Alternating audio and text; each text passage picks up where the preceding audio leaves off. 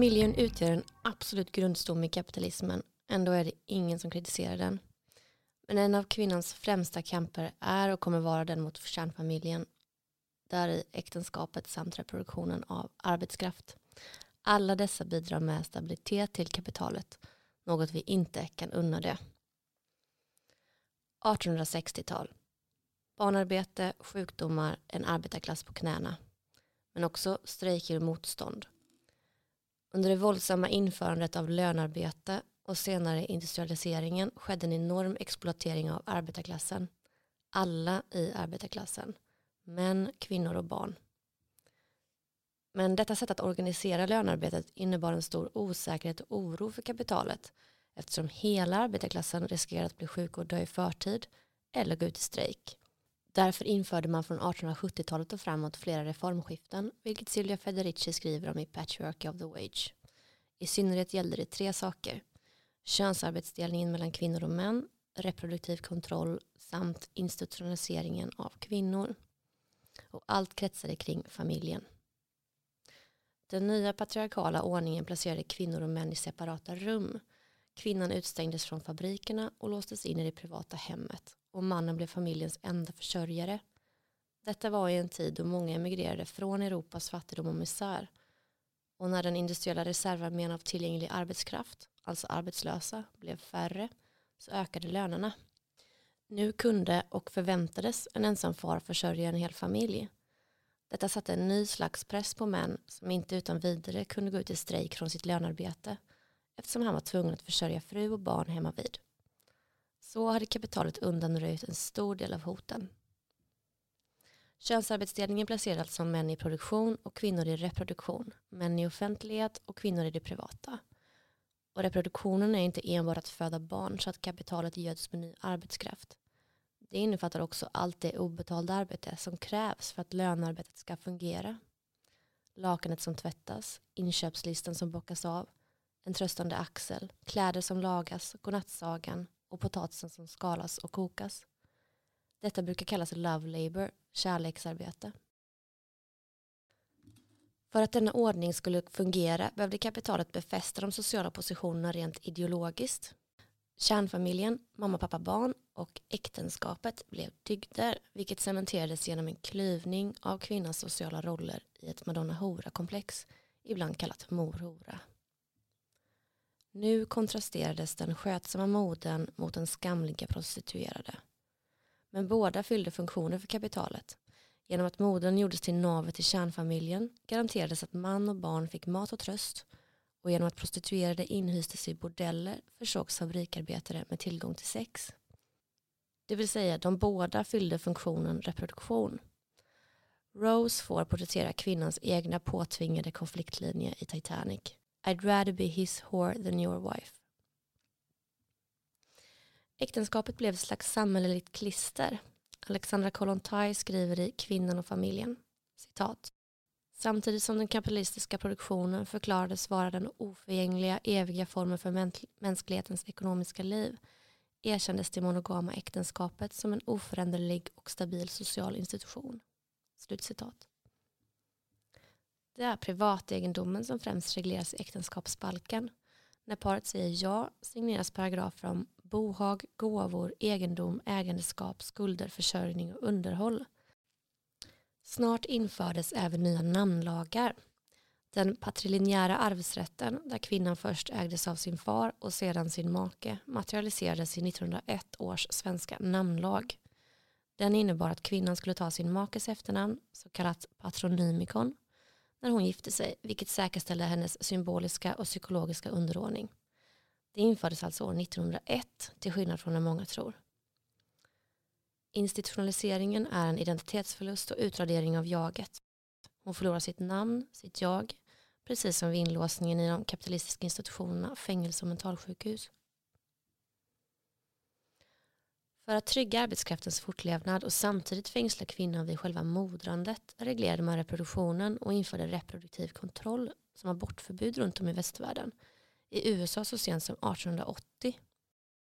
Detta skifte inleddes tidigare när kvinnor, så kallade jordemödrar, inte längre fick vara barnmorskor, där kvinnor förlorade reproduktiva rättigheter och där kvinnors lust förpassades som synd.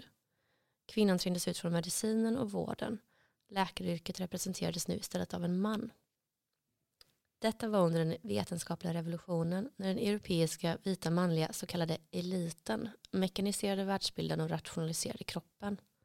Häxprocesserna blev ett sätt att institutionalisera statens kontroll över kvinnors reproduktionssystem och att kriminalisera preventivmedel. I häxprocesserna och fortfarande idag gav man sig på prostituerade, änkor och ogifta kvinnor för att de gick utanför den strikta könsdualistiska familjeordning som kapitalet krävde. Egendomen och familjen är fullkomligt sammanknutna. Det kapitalistiska produktionssättet bygger på privat egendom. Produktionsmedlen ägs privat och inte kollektivt. Kapitalisterna, de rikaste i världen, får sin profit genom att exploatera arbetarklassen globalt. Det är i dessa familjer i rakt nedstigande led som kapitalet ärvs från generation till generation. Som H&M's grundare Erling Persson till ägaren sonen Stefan Persson eller Tetra Lavals grundare Ruben Rausing till barnbarnen och ägarna Finn, Jörn och Kirsten Rausing. Företagen ägs ofta av hela familjer. Familjen är den institution som säkerställer privategendomens existens. Denna enhet sätter ramar och gränser för hur kapitalet skapas och tillåts röra sig. Den borgerliga konstruktionen kärnfamiljen är reaktionär i sin natur eftersom den kuvar alla former av gränsöverskridande. Små isolerade separata enheter utgör ett mycket mindre hot, ja, nästan obefintligt, mot kapitalet än den gränslösa kollektiva gemenskapen. Kollektivet har alltid varit vad kapitalet darrat inför och kommer givetvis vara vad som omdanar det kapitalistiska samhället. En annan sak går inte att bortse från när man analyserar könsarbetsdelningens våldsamma konsekvenser, kvinnans instängdhet. Kvinnan är sedan kapitalismens uppkomst institutionaliserad i äktenskap, reproduktion och dåtidens mentalsjukhus. Och ibland skojar jag och säger att de tre är samma sak. Kärnfamiljen utgör som sagt en ekonomisk gräns som utvid utvidgas till en rent känslomässig gräns. Medan han kan gå bortom denna gräns är hon inbunden i den. Studier har visat att gifta män mår bättre än ogifta män medan gifta kvinnor mår sämre än ogifta kvinnor. Han mår bra i kärnfamiljen och äktenskapet, hon mår dåligt. Det beror på att hon inom denna gräns sörjer för hans mänskliga behov. Hon axlar reproduktionen och ser därmed till att den kapitalistiska produktionen, det vill säga lönarbetet, fungerar. Det lär oss alla att se på kvinnans liv, kropp och varande som en service att ha rätt till. Hon servar hans behov. Parallellt med denna självuppoffrande och nihilistiska mansservice tillåts, hon inte gå utanför rollen som mor och maka utan riskerar att bli betraktad som sköka, hora, galning, exhibitionist med mera. Kring sekelskiftet 1900 institutionaliserades dessa kvinnor som gick utanför den enda accepterade rollen med påhittade kvinnosjukdomar. Salpêtrière-hospitalet i Paris eh, som cirka 1880 huserade 5 000 kvinnor med diagnosen hysteri. Läkaren Jean-Martin Charcot experimenterade med de påstått sjuka, galna och prostituerade kvinnorna. För kvinnorna kunde denna inhysning innebära en frigörelse från reproduktionen och från den påtvingade könsrollen. I sin sjukroll kunde hon äntligen uttrycka sitt känsloregister fritt. Skrika, gapa, hoppa, sova, knulla, svära, dricka. Det var väntat. Samtidigt innebar detta också en upptrappning i de horribla experiment med rasbiologisk underton som senare genomfördes på kvinnor och andra förtryckta grupper, däribland lobotomi. Idag ser könsarbetsdelningen både liknande och annorlunda ut. Idag kan en man inte längre ensam försörja en familj. Alla behöver lönarbeta och kvinnor arbetar generellt dubbelt, först med sitt lönarbete, sedan obetalt i hemmet.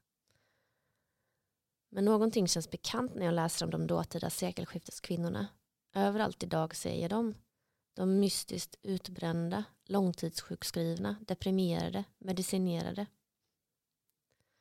Det heterosexuella äktenskapet rymmer i främsta rummet för kvinnlig sjuklighet. Denna sociala ordning innebär alltid en förkrympning av kvinnan och en förstoring av mannen. Och överallt ser jag hem där han har ett musikrum, datorhörna eller garage, men inte hon.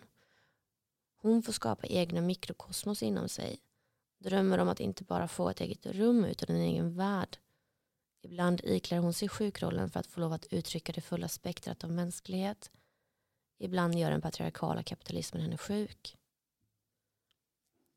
Trots att vi lämnat den strikta könsarbetsdelningen från taylorismen och fordismens dagar så frodas ännu mönsterbilden av den borgerliga kärnfamiljen när de ideologiska apparaterna pumpar ut sakramentet vigsel som i Gifta vid första ögonkastet och Bachelor.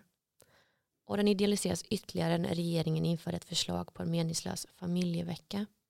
Familjen och äktenskapet ägnas också hela tre artiklar i FNs grundläggande mänskliga rättigheter från 1948.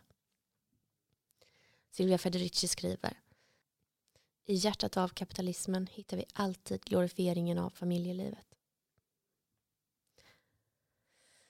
Vad denna essä har tydliggjort är att kärnfamiljen och äktenskapet inte enbart är en ideologisk överbyggnad utan grundläggande för den materiella samhällsstrukturen.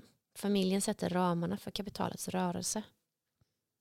Allt har inte varit en snabb och linjär process utan det har vuxit fram parallellt med att kapitalismen etablerades från 1400-talet och framåt.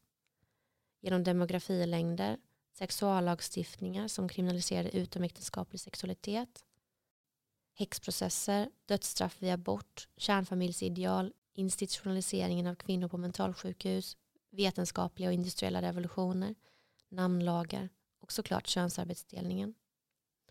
Inte samtidigt överallt utan i olika takt, i olika ordning men med samma syfte. Att institutionalisera kvinnan och ge stabilitet åt kapitalet. Vad är alternativet? Är det ens en idé att försöka? Kollontaj skriver att citat, människorna är maktlösa när det gäller att fritt förändra formerna för den sociala samlevnaden eftersom dessa former är en logisk följd av de omgivande ekonomiska produktionsförhållandena. Slutcitat. Jag tycker mig läsa in en kontring av Susanne Brugger som i Kärlekens vägar och villovägar skriver den sådär 70 år senare. Citat. Världen kan inte förändras av enskilda individer hävdar du. Inte utan viss lättnad i rösten. Medan du sitter och väntar på att förändringarna ska komma utifrån i form av ett system. Slutcitat. Kollontaj igen. Citat. Allt de kan göra är att försöka förstå den tendens som redan håller på att fullbordas i den sociala organismens utveckling och påskynda tempot i denna vanligtvis smärtsamma omvälvningsprocess. Slutcitat. Det ekonomiska samhället kommer att omvälvas och den sociala ordningen och relationsformerna med det. Tur är ju det, eftersom kapitalet framtvingar relationer som bygger på privategendomens logik, vilket alltid bidrar till reifiering, alienation och utanförskap. Framförallt har könsarbetsdelningen konstruerat en grotesk och inbillad skillnad mellan kvinnor och män, vilket i sin tur leder till våld och splittringar mellan könen. Närhet, ömhet och kontakt med andra utanför den tvåsamma enheten förvandlas till hot i den sexualbildning där man via äktenskapet formaliserar en gräns för människans varande.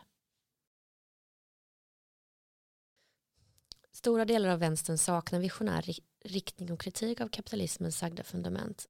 Hur går vi bortom en institutionalisering av relationer, bortom relationer med egendomen som bas, där vi förväntas äga varandra likt ting? Vad är verklig omsorg och hur ser framtidens kärlek ut? För det första, i klimatkrisen kommer vi att behöva omforma sättet vi bor på. Kriser kräver kollektivism och ömsesidig hjälp i bostadshus och lokalområden. Vi kan inte längre låsa in oss i separata enheter, sköta oss själva i en nyliberal individualistisk anda.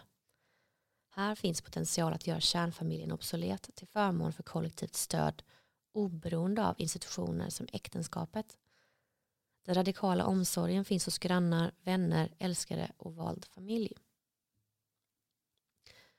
För det andra, institutionen är död till sin natur. Relationens omdaning börjar i den egna kroppen och vi behöver ersätta den döda institutionen med den levande erotiken. Genom att omforma vår syn på begär och njutning, vilket i stor utsträckning berövats kvinnor och andra förtryckta grupper genom reglementering, underordning och institutionalisering kan vi väcka våra sublimerade sinnen och komma i kontakt med våra erotiska begär njutning, lust, glädje, sinnlighet, passion. I ett sådant tillstånd slumrar vi inte omkring mekaniskt planerat utan vaket och nyfiket i fri relation till andra Där äger vi inte varandras tid, liv och kroppar. Där är relationen inte reglerad juridiskt och ekonomiskt i äktenskap. Brögger igen, citat. Att lämna det patriarkaliska rummet är att lämna den patriarkaliska tiden och flytta över i en ny tid. Slutcitat. En antikapitalistisk kamp måste inrymma en radikal kritik av familjen. Den enhet som upprätthåller de kapitalistiska produktionsförhållandena, där kapitalet flyter via blodsband och där den patriarkala sociala ordningen mellan kvinnor och män upprätthålls genom att kvinnan på grund av könsarbetsdelningen fjättras vid reproduktionen av arbetskraft. Kroppen, likaså jagets frigörelse, är tätt sammankopplad med det sociala. Här kommer böcker jag har läst för att kunna utveckla dessa tankar. Kan verkligen rekommendera allihopa. Alex Alexandra Kollontais Kvinnan och familjen från 1908. Karin Johannissons Den mörka kontinenten från 94. Louis Althusser On the reproduction of capitalism från 1999. Silvia Federici Patriarchy of the Wage från 2021. Silvia Federici igen Caliban and the Witch från 2004. Susanne Bruggers Kärlekens vägar och villovägar från 76. Torkil Lauesens Riding the Wave från 2021. Och många, många fler. Tack för att ni har lyssnat på Krakelpodden igen. Ha det fint.